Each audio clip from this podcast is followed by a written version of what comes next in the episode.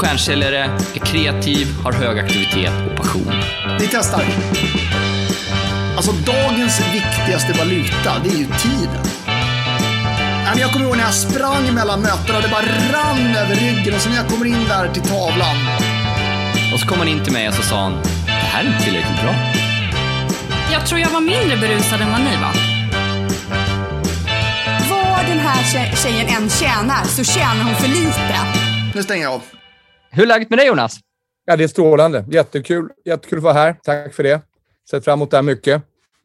Ja, eh, och det känns ju verkligen som en, en ära att eh, ha med dig Jonas. Ja, vi, vi, vi lärde känna varandra ganska nyligen, men jag kan säga att jag på håll har ju tittat på er. Eh, för du är grundare av Advisor Partner som, ja. som sedan 2002 liksom specialister på att skapa högre försäljning och expansion. Där ni liksom har konsulterat och tränat tusentals företag, tiotusentals vd försäljningar, säljcoacher, säljare etc. och icke-säljare till högre och mer lönsamma resultat. Eller hur? Det stämmer. Vi har ju 20-årsjubileum nästa, nästa år och eh, vem hade trott det, som vi säger. Men nu, nu är vi där plötsligt då, sådär 3 000 företag och 35-40 000 säljare och säljchefer senare, så, så känner man att vi börjar fatta lite mer nu än, än, än i början i alla fall. Ja, nej, men eh, det, det, det förstår jag. Det, det, på, har man följt det på håll så, så hör man att ni gör bra saker.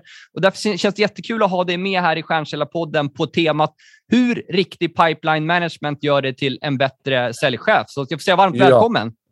Tack! Mycket uppskattat att få vara med. Det har jag sett fram emot. Kul! Och liksom pipeline management är någonting man har hört och pratat om i, i, om man jobbar med försäljning i olika sammanhang. Så jag, jag är jättenyfiken på att höra din take på det här. Men kanske till att börja med liksom reda ut vad pipeline management är för dig. Nej, men det är bra. Jag menar, eh, det finns ju några så återkommande myter på, i, i, i säljbranschen som, som folk pratar om men kanske inte gör så mycket. Vi har till exempel cross-selling, en klassiker, team-selling, eh, account planning, sådana saker man pratar om om och om igen och vill göra eller börja göra, men, men kanske inte kommer igång med fullt ut. Och till det ämnet kan man väl också lägga eh, pipeline management. Och vi tänker pipeline management på, på säljsvenska är ju, är ju eh, din pipe, dina pågående säljprocesser eller säljprojekt. Att kunna managera och styra dem för att öka antalet vunna affärer. Det är väl lite pipeline management, tänker vi. Okay. Så pipeline mm. management i, i vår värld ligger någonstans mitt emellan att kunna göra prognoser, det vill säga hur kan vi gissa bättre? För en prognos till slutet av dagen är alltid en gissning, det får man inte glömma. Hur ska vi lära oss att gissa bättre på, på vad vi kommer få in? Och steget innan pipeline management, om, om ni frågar oss, det är ju faktiskt att ha en gemensam överenskommen, överenskommen säljprocess. Det vill säga om alla har sitt egna spelsystem så blir det väldigt svårt för mig, för, för, för mig som försäljningschef att kunna hjälpa till och bedöma och förstå vart befinner vi oss någonstans i säljprocessen med kunden. Jag förstår. Så lite bryggan däremellan säljprocess och, och liksom prognos. Det ligger någonstans där mittemellan och därför brukar jag säga att innan vi ens kan börja prata om pipeline management så måste vi först sätta en gemensam säljprocess. För om, om, om jag som säljchef har som idé i alla fall att kunna hjälpa mina säljare och säljaren kommer med en fråga, vad ska jag göra i det här caset? Så blir ju alltid svaret, ja det beror ju på. Det beror ju på hur långt du har kommit i den aktuella säljprocessen med den här kunden. Är du i början, är du i mitten eller slutet så kommer mitt, min rekommendation eller min rådgivning eller mitt, min hjälp till dig se väldigt annorlunda ut. Ja. Ja, nej, men där, är man ju, där får man erkänna själv att man har varit ibland som säljchef. Liksom så här, ehm, speciellt om man ska rapportera uppåt eller så. Liksom. Men, hur mycket har, har vi i pipen, Thomas? Vad kommer vi stänga i år? Eh, och, och, och, och, Det är inte utan att man ibland har sträckt upp ett finger och, och sen eh, jobbat upp en pondus för att eh, i alla fall tro på det man säger. Men, men det är inte alltid man, man, man, man har vetat. Men, men liksom, vad, vad, ska man börja då, tänker du? Som säljchef? jag tänker, så säga, där det kan gå fel egentligen på två ställen, tänker vi. Det, det är när man överskattar sin pipe. Man tror att man är närmare affären än vad man är. Och den är ju såklart jättevanlig. Och, och eh, säljprojekten glider mellan fingrarna och glider över. Eller kanske var döda för länge sedan, men det är ingen som har liksom undersökt det som ligger i pipen. Hur pass aktuellt är det? Det, det är ju scenario ett. Och scenario två som, som inte är riktigt lika illa, men snudd på det är att det dyker upp saker alldeles för sent i pipen. Det vill säga att plötsligt börjar det registreras in pågående affärer precis inför avslutsdatum. Eller precis innan affären skulle, eller i vissa fall efter affären har gjorts. Och det betyder att min förmåga som försäljningschef att förutsäga vilka affärer vi ska, vi ska få in blir ju väldigt fel i det läget också. Det vill säga om det kommer in två miljoner extra, och det kan man tycka, det är väl inget problem. Nej, det är det ju inte på kort sikt, men det säger någonting om min förmåga att leda gruppen och förutsäga vad som komma skall. Och, och det är egentligen bara ett tecken på att jag som försäljningschef rent tekniskt är ur kontroll. Jag kan inte förutsäga nästa steg eller bedöma vad som komma skall, vilket, vilket egentligen ordet kontroll, det är åtminstone en av de definitionerna på, på ordet. Och, och, ett tecken på att vara ur kontroll är då att man blir överraskad av vad som händer. Mm, jag förstår det. Och, och, överraskning. Ja, och i synnerhet om, om man liksom på leveranssidan säljer någonting där det finns en begränsad upplaga av till exempel, eh, så kan det ju bli, kan, kan det ju bli eh, väldigt fel. Eh, eh men du återkommer till säljprocessen här. Eh, liksom, eh, bör man vara överens om den eller, eller, eller liksom du sa att man ska spela samma selsystem men det är olika personligheter. Liksom hur, om, om det ändå var liksom bryggan över, liksom hur tänker du kring en säljprocess? Hur ska man sätta den utifrån teamet, gruppen eller kunderna? Liksom? Ja, det, det, det, det, är en suverän fråga. Och tänk att det finns tre nivåer. Ett, så har man fundament. Fundament är själva grunden som allting vilar på. Till exempel ett fundament är ju faktiskt förstå vad försäljning är för någonting. Vad man gör i försäljning och vad ett önskat resultat är från bra försäljning. Det är fundament att förstå. Det, det, och det är såklart väldigt grundläggande och kan ju nästan låta som för grundläggande. Det vet väl alla, men det är inte riktigt vår erfarenhet. Utan det bör man förstå först. När man sen har fundamentet på plats, då kan man bygga en metod för att maximera chansen att få ett ja. Det är vårt, det är vårt spelsystem där, som vi har för att ge oss själva så bra odds som möjligt. För att allting vi påbörjar ska vi få ett ja på. Och kan vi inte få ett ja ska vi åtminstone få ett nej. Så vi kan lägga det åt sidan på ett bra sätt och kanske komma tillbaka till det aktuella företaget och påbörja en ny säljprocess. Och metoden, eller spelsystemet om man vill använda en sportliknelse, det motsvarar säljprocessen. Och i, eh, på toppen av metod så kan vi lägga teknik. Och då är vi inne på alla teknikerna. Hur gör man en bra behovsanalys? Avslutstekniker, tekniker för invändshantering, förhandlingsteknik etc. Det är liksom det är, det är detaljerna, finterna i själva spelsystemet. Och de kräver normalt sett rätt mycket tid att nöta in. All teknik tar tid att nöta in. All teknik har ganska kort, eh, kort tid som, som det finns kvar om man inte använder sig av det. Jag kommer ihåg själv när, när, jag spelade ishockey för hundra år sedan. När man klev ut på isen efter ett sommaruppehåll så kändes det som att man knappt kunde stå på skridskorna.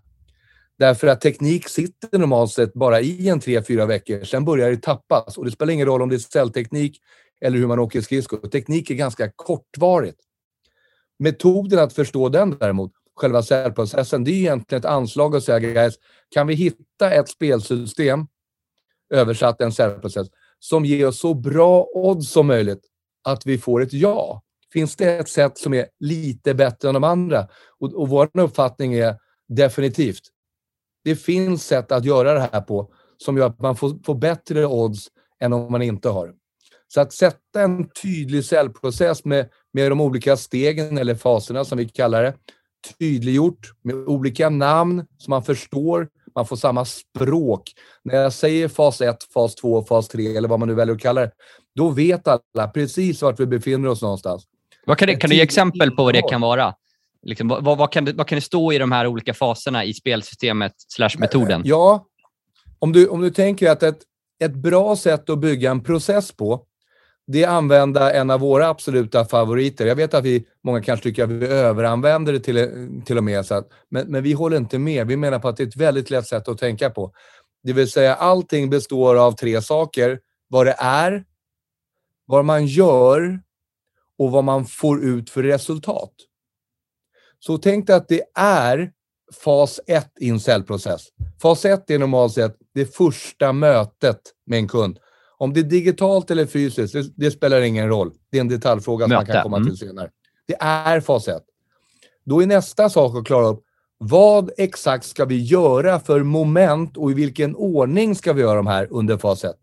För i försäljning så är ofta ordningsföljd viktigare än vad man gör.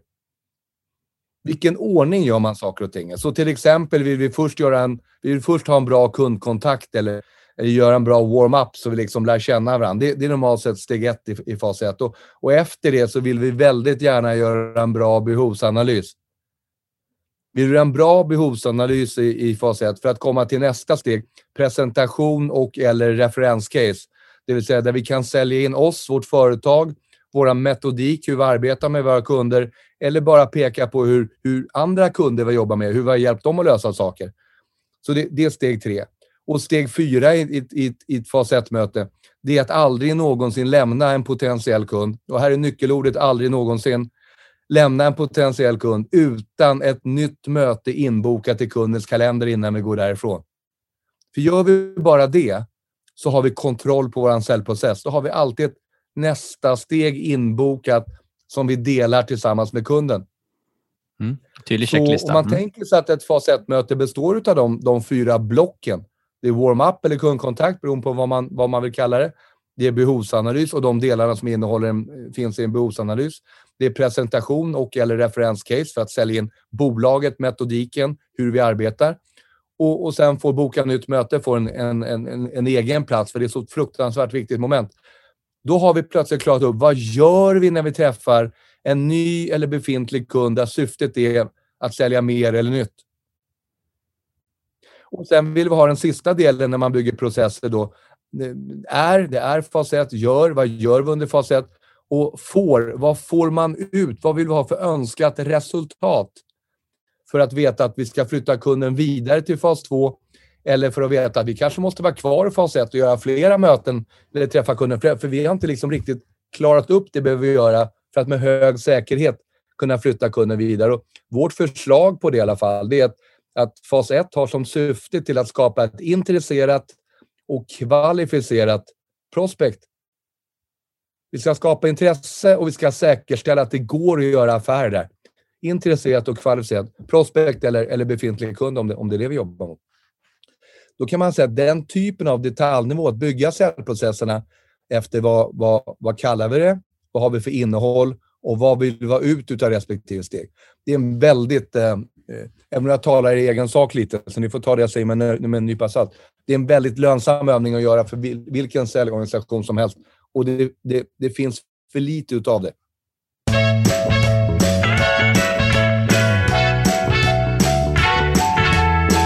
Ja, men vi samarbetar med Gava och Gava är ju en Sales Intelligence-plattform som hjälper B2B-säljare att bli mer relevanta så att man kan fokusera på rätt företag med rätt budskap.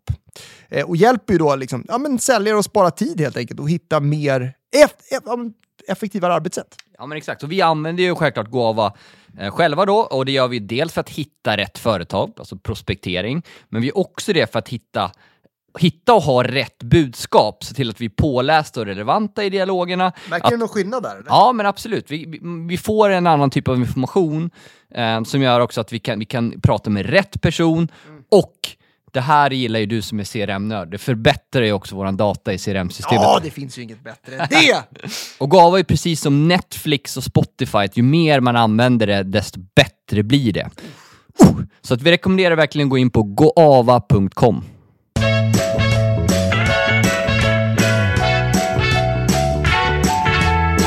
Som ni vet så samarbetar ju vi med Plio som hjälper oss med kvittoredovisningen och idag har jag bjudit in Sverigechefen Sebastian Klintberg för att höra vad händer på Plio. Tack så jättemycket Thomas. Superkul att vara här i eh, Stjärnsäljarpodden. Vad händer på Pleo? Vi ehm, har precis avslutat ett superfint år. Vi har dubblat våra team här i Sverige och globalt och nästa år så ser vi fram emot att dubbla teamet igen. Ehm, det känns superkul att det är så många företag där ute som vi har fått eh, möjligheten att hjälpa i år och ser jättemycket fram emot att ta nästa steg tillsammans, både med produkten och med teamet. Kul, kul att höra. Ni söker också en rad säljroller. Hur, hur skulle du säga att det är att jobba hos er? Mm. Jag skulle säga att det är superkul. Vi försöker verkligen ha roligt tillsammans för att vi har ett tufft jobb, vi har höga ambitioner, mycket förväntningar på oss som företag. Ett eh, liksom, globalt företag som verkligen satsar på att eh, vinna varje marknad som vi går in i. Så att med liksom, den tuffa utmaningen som vi har så måste vi verkligen se till att ha roligt tillsammans. Så vi eh, satsar jättemycket på liksom, utveckling av våra eh, kollegor som vi har här och eh, att göra saker tillsammans, ha roligt ihop. Kul att höra. Så att vi rekommenderar dig att gå in på pleo.se för att höra mer, alternativt skriva direkt till Sebastian Klintberg på LinkedIn. Tack så mycket. Tack.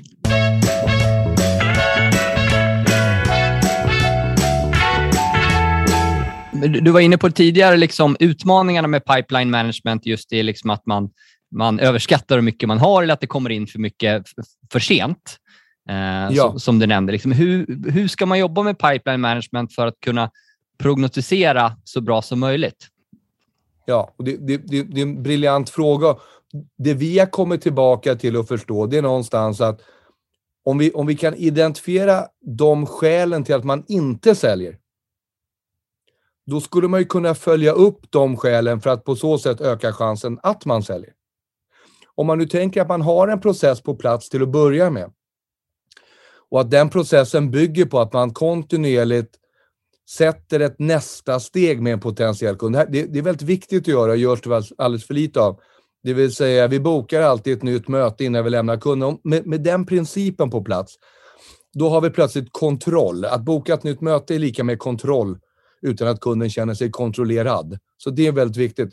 Då, om man, så länge man gör det, då finns det bara fem skäl till varför man inte säljer. Det finns egentligen bara fem, fem skäl till varför man inte går i land med affären. Så det vi tränar våra säljchefer i, det är att hålla koll på det vi kallar för fem skäl till boom, det vill säga att man, boom i det här fallet att man missar en affär. Och det är också det vi använder oss utav som ett av två verktyg för att följa upp eh, pipen tillsammans med säljarna. Det vill säga säljchefen eller säljcheferna måste sitta ner med säljarna, gärna i början, men definitivt runt den 20 varje månad och titta på pipen när det gått två tredjedelar och gå över fem skäl till bom med säljarna och även träna säljarna att de själva går över fem skäl till bom. Fem skäl till bom är, det är säljarens shortlist att hålla koll på. Jag är nyfiken på vilka det är. Eller hur? Jag kände att du skulle bli det, så att jag höll det, höll det lite extra här. Ja, alltså, du såg att jag började skaka det här. Det är så jag får... Ja. Men tittar man på, på fem skäl till bom. Det första är då relation. Kan man missa en affär på att man inte har tillräckligt god relation? Svar ja. Kan man missa affär på att kunden och säljaren inte gillar varandra? Ja, men så vet vi att det är hela tiden. Vi vet att säljaren som kunden inte tycker om, han eller hon är borta direkt, det är bara att glömma. Säljaren som som kunden tycker om, han eller hon har en chans till försäljning. Och säljaren som kunden tycker bäst om får normalt sett en extra chans till orden. Så relationen, vilket är den mest subjektiva av de här fem, det är ju, det är ju ett skäl där vi kan tappa business på. Så då, då, då, då kan vi lägga den åt sidan. Skäl nummer två, det kallar vi för beslutsprocessen. Det vill säga, har vi koll på kundens beslutsprocess. Och det, det är ett litet sådär fancy ord som, som betyder tre saker. Ett, vet vi hur kunden fattar beslut? Det vill säga på vilka grunder fattas beslutet? Det är, det är steg ett i, i själva beslutsprocessen. Två, vet vi vilka som är beslutsfattarna? Är vi i kontakt med dem som faktiskt fattar beslutet? Eller är vi i kontakt med någon, någon, någon middleman som skickar det här vidare? Så den är, den är superviktig och normalt sett ett relativt stort problem i Sverige eller inom svensk säljkår att vara i kontakt med beslutsfattarna. Och, och det tredje steget inom själva beslutsprocessen, det är, finns det påverkare som vi behöver förstå? Det vill säga personer som inte nödvändigtvis fattar beslutet, men som styr bakom gardinen, som finns där och påverkar vart det ska hamna någonstans. Så beslutsprocessen är ju otroligt viktigt att, att förstå kundens beslutsprocess. Och lättaste sättet att ta reda på, på det är ju faktiskt att bara fråga kunden. Hur gör ni när ni fattar beslut? Vilka är inblandade? Finns det andra personer som vi borde ha med i processen som påverkar eller styr eller kan, kan avgöra vart det hamnar någonstans? Så beslutsprocessen är, är, ju, är ju nummer två. Va? Nummer tre är pengar. Det vill säga, ju mer vi känner till om kundens plånbok, ju lättare att göra rätt affärer. Och med pengar menar vi inte budget. Budget består naturligtvis av pengar, men pengar och budget är två olika saker. Det vill säga, fråga efter kundens budget så leds vi många gånger in i en fälla där vi, där vi tvingas att tro att kundens budget är alla maximalt antal pengar som finns att tillgå, vilket många gånger inte är sant. Ofta finns det flera pengar om man letar ordentligt. Om inte vi vet vad kunden har för resurser att, att, att, att avsätta eller att, att köpa för, ja, men då blir det lite av en gissning att komma upp med rätt förslag. Förslaget kan vara alldeles för stort. Det möter inte kundens pengar på sig. Eller förslaget är alldeles för litet. Kunden såg något helt annat framför sig. Och jag framstår bara som en säljare som inte förstår vad jag håller på med. Hur, hur tycker du att man ska liksom behandla den frågan? Och också en, en, en, fråga som vi har diskuterat. När i processen tycker du att man ska prata pengar? Eh, I behovsanalysen fas 1, första mötet. Där måste man börja leta efter pengarna. Och pengar är ju, är ju en eh, lite hot topic. Det, det, kan vara känsligt, men faktum är att ju mer jobbigt jag tycker som säljare att det är fråga efter pengar, ju mer jobbigt blir det att svara på pengafrågan. Så när, när man kan ställa den frågan lätt och ledigt eller ge ett bra varför vi behöver reda på det, så tenderar man att få fler ärliga svar. Det betyder inte att alla svarar, men vi spelar lite ett numbers game. Vi försöker få reda på så mycket information vi kan genom att ställa de frågor vi behöver. Så pengarna vill vi börja leta efter så fort som möjligt eftersom det är, det är en potentiell dealbreaker. Ja, hur pass rakt på kan man vara där? Hur pass rakt på kan man vara? Har du exempel på vilken typ av frågor man kan ställa? Eller liksom... ja, jag, ja, eh, vårt förslag är att vara så rak som du själv tolererar eller klarar av. Fråga vad finns det för pengar? För om du inte har pengar nog så lär vi inte kunna, kunna göra affärer och komma överens. Så jag behöver veta, jag är inte ute efter några företagshemligheter, men jag behöver åtminstone veta mellan tummen och pekfingret, vad finns det för pengar? Jättebra. Eh, så pengar, tredje bommen. Tredje bommen. Ja, det är en tredje bommen. Så är relation, beslutsprocess, pengar. Och sen har vi någonting som vi kallar för tid eller timing. Och tid eller timing är synsättet, när i tiden behöver kunden ha den tjänsten, produkten jag erbjuder igång och fungerande på sitt bolag. Det vill säga om vi inte kommer överens om ett avslutsdatum som egentligen bygger på när vill du ha tjänsten jag eh, levererar, när vill du ha den implementerad och etablerad, att den börjar fungera. När i sådant fall måste vi påbörja implementationen. När i sådant fall måste vi säga ja eller nej till varandra. När, det vill säga att man behöver bygga bakifrån när behöver du ha igång det här vi pratar om? Därifrån behöver man bygga och dra till sig ett så kallat avslutsdatum. När bör vi säga ja eller nej till varandra? Och få den, den idén levande hos kunden och komma överens eller åtminstone kolla av. När passar det? För vi vet att kunder har en tendens att, att dra på beslutet. För det är alltid kul att köpa saker, det är alltid jobbigt att fatta beslut. För med, med beslut kommer konsekvenser och ansvar. Och när väl kunden har sagt ja, vill de ha grejerna imorgon. Och när man inte kan leverera imorgon så blir de besvikna. För att någonstans tycker kunden att det kunde du ha sagt. Så att det är mer professionellt att fråga kunden tidigt. Samma sak under behovsanalysen. När i tiden passar det för er eller vill ni ha en ny lösning på plats? Det är tidsfrågan. Och där ser vi att mycket, mycket affärer försvinner. Och så finns det en variant på den som heter timing. Och timing är kopplat också till tid, men timing är, är kopplat till om det är saker och ting som pågår hos, hos kunden som, som kan hindra en affär som kanske kunden inte tänker på. Är det något annat som pågår hos er just nu som skulle hindra oss att komma vidare i den här frågan eller att kunna göra affärer? Mm.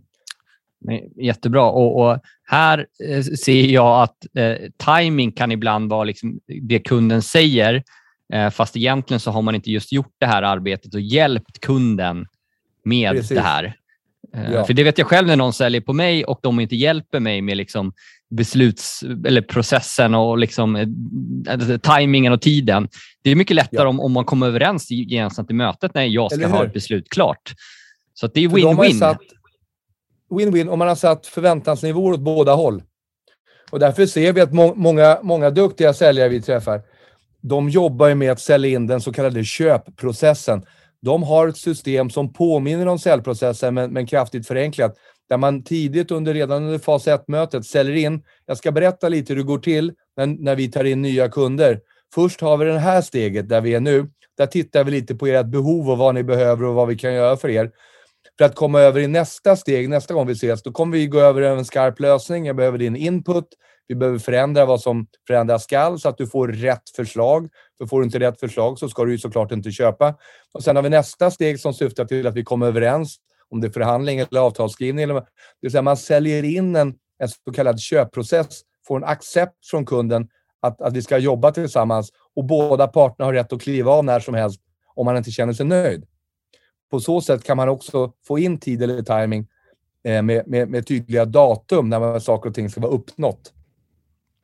Jag gillar det jag hör. Jag tycker att det låter jättesunt och, och bra att bygga förtroende. Är man är öppen med att alltså, båda parter kan kliva av. Alltså, att komma fram till rätt beslut gemensamt. Att det är det det handlar Precis. om. Inte att jag ska få in en affär till varje pris.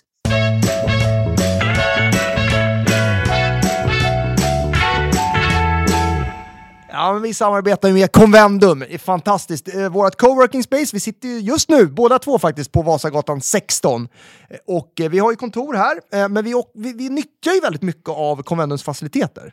Ja, men dels att man kan ta hit, allt vi gör, ja, men man kan ta hit kunder och, och, och, och vänner. Man sitter ja, och jobbar ihop. komma hit. Ja, ja, exakt. Eh, och, eh, Ska glöggmingel imorgon. Glöggmingel. Men det finns 11 olika locations i Stockholm, 11 olika kontor man kan växla mellan och ett i Göteborg. Vi har också haft våra konferenser här ja. Eh, när man har kunnat här en period. Så vi rekommenderar er verkligen att titta in convendum.se Antingen om ni är ute efter konferens eller om ni är intresserade av att, att ha ett ställe att jobba på som coworking eller också kontor kan även addera att Convendum öppnar upp fem nya coworking space nästa år, varav fyra i Stockholm och ett i Palma.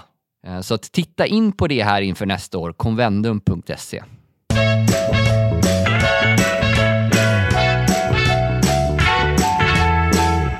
Men vi samarbetar ju med Space som är världens första digitala säljrum som hanterar både den, så att säga, den synkrona interaktionen med kunder, det vill säga alla möten, men även den asynkrona delen, det vill säga allt som händer före och mellan möten i ett och samma interface.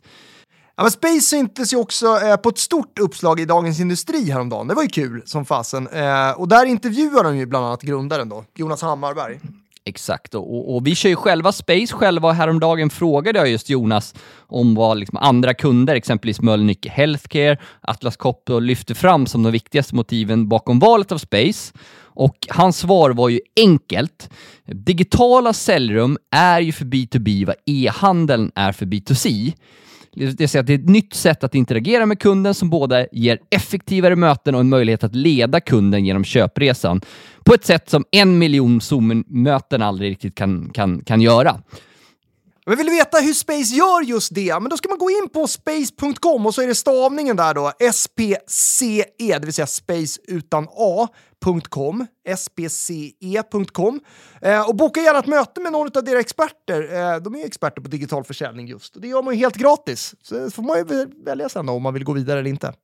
Vilket vi starkt rekommenderar. Space.com.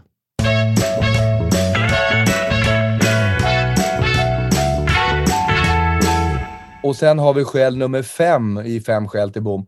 Och det är det viktigaste ordet av dem alla att förstå i försäljning menar vi på. Och det är ordet bättre. Och poängen med ordet bättre är att ingen köper någonting någonsin. Om man inte just då i köpögonblicket upplever att det blir bättre att ha än att inte ha. Och Det betyder att om jag har på mig de glasögonen som säljer, att mitt jobb är att träffa kunder och göra det bättre för dem än vad de har idag. Om jag har den synen hela tiden framför ögonen, då gör jag bra affärer och jag gör rätt affärer. Och det är ett begrepp som vi föreslår att man introducerar till de potentiella kunderna tidigt.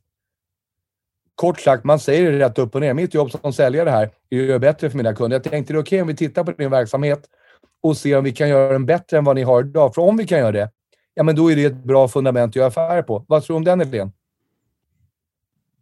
100 procent. Det, det kör vi på. Eller hur? Det, det, då hamnar vi på samma sida om bordet. Det är fyllt med så mycket sunt förnuft så att du har aldrig någon människa som säger, säger nej till det. Och till, plötsligt kan vi titta på verksamheten, inte sälja mot kund eller potentiell kund, utan sälja potentiell kund tillsammans från samma synpunkt. Så bättre-ordet är ju faktiskt det vi måste uppnå, för vi vet vad som händer när kunderna säger att ja, det här ser ju bra ut. När jag hör det, då får jag en sån här déjà vu-slinga som börjar spela upp öronen på mig. För jag vet ungefär hur andra halvan av meningen låter och den låter någonting i stil med att men å andra sidan som vi gör idag, det är ju inte helt fel heller, men tack för förslaget, jätteschysst. Och så blir det inget. Ja, nej, det kan man relatera till. eh, nej, så, eh, mm, jätteintressant. Så de här fem skälen till BOM, är det no, någonting man tycker att, du tycker att man gemensamt bör sitta då, alltså säljchefer med, med, med alla individer eh, och även att man har det för sig själv då som säljare i ja. sin pipeline management? Ja, det här, det här, det här görs åt två håll. Ett, det är säljarens shortlist att följa under säljprocessen. Har jag koll på mina fem skäl till BOM? För har jag det, då ökar oddsen radikalt. Och det är också det duktiga säljchefer bör kolla med säljarna. Har du koll på dina fem skäl till BOM? För, för det är där du hittar svagheter och brister i pipen. Sen finns det fler detaljerade frågor man kan följa upp beroende på exakt hur sin säljprocess ser ut som, som ligger lite utanför skopet just, just för det vi gör här idag, då, den, den här podden. Men, men det är en väldigt bra start. Du har 80 procent av bra pipeline management genom att följa upp säljarna på fem skäl till bom. Där kommer ni direkt hitta vad säljaren inte har koll. Ja, men det, det här, ja, jag gillar det här. Vi, vi gjorde ett, vi, kvartalsvis så sitter vi alltid ner, inte så här fem skäl, men tittar. Varför har vi inte gjort affärer på de här? Q2, även om vi är relativt seniora, insåg vi att vi har så otroligt mycket lägre hitrate om inte alla beslutsfattare är med i processen. Alltså det är så här klassisk, eh, vad fan har man blivit fat and happy? Men då sa vi, vi styr upp det här i Q3 och det blev en helt annan hitrate. Alltså så liten grej. Ja, men det, det då. Och, och jag tycker att man, man ska aldrig be om ursäkt för att man är rutinerad eller, eller, eller senior och ändå missar lite i grunderna. För, för det är väldigt sällan man behöver liksom göra de avancerade supergrejerna, utan när det inte funkar, då är det alltid någonting i grunderna som inte är på plats. Och det, det gäller all idrott och det gäller all försäljning. Det är grunderna det sitter i. Ja, exakt. Nej, men jättebra tips. Eh, jättekul att ha dig med, Jonas. Tack så mycket från, eh, från mitt håll. Tack Thomas att ni bjöd in mig. Mycket uppskattat och jag tycker ni gör ett kanonjobb så att det, det ska bli kul att fortsätta följa er.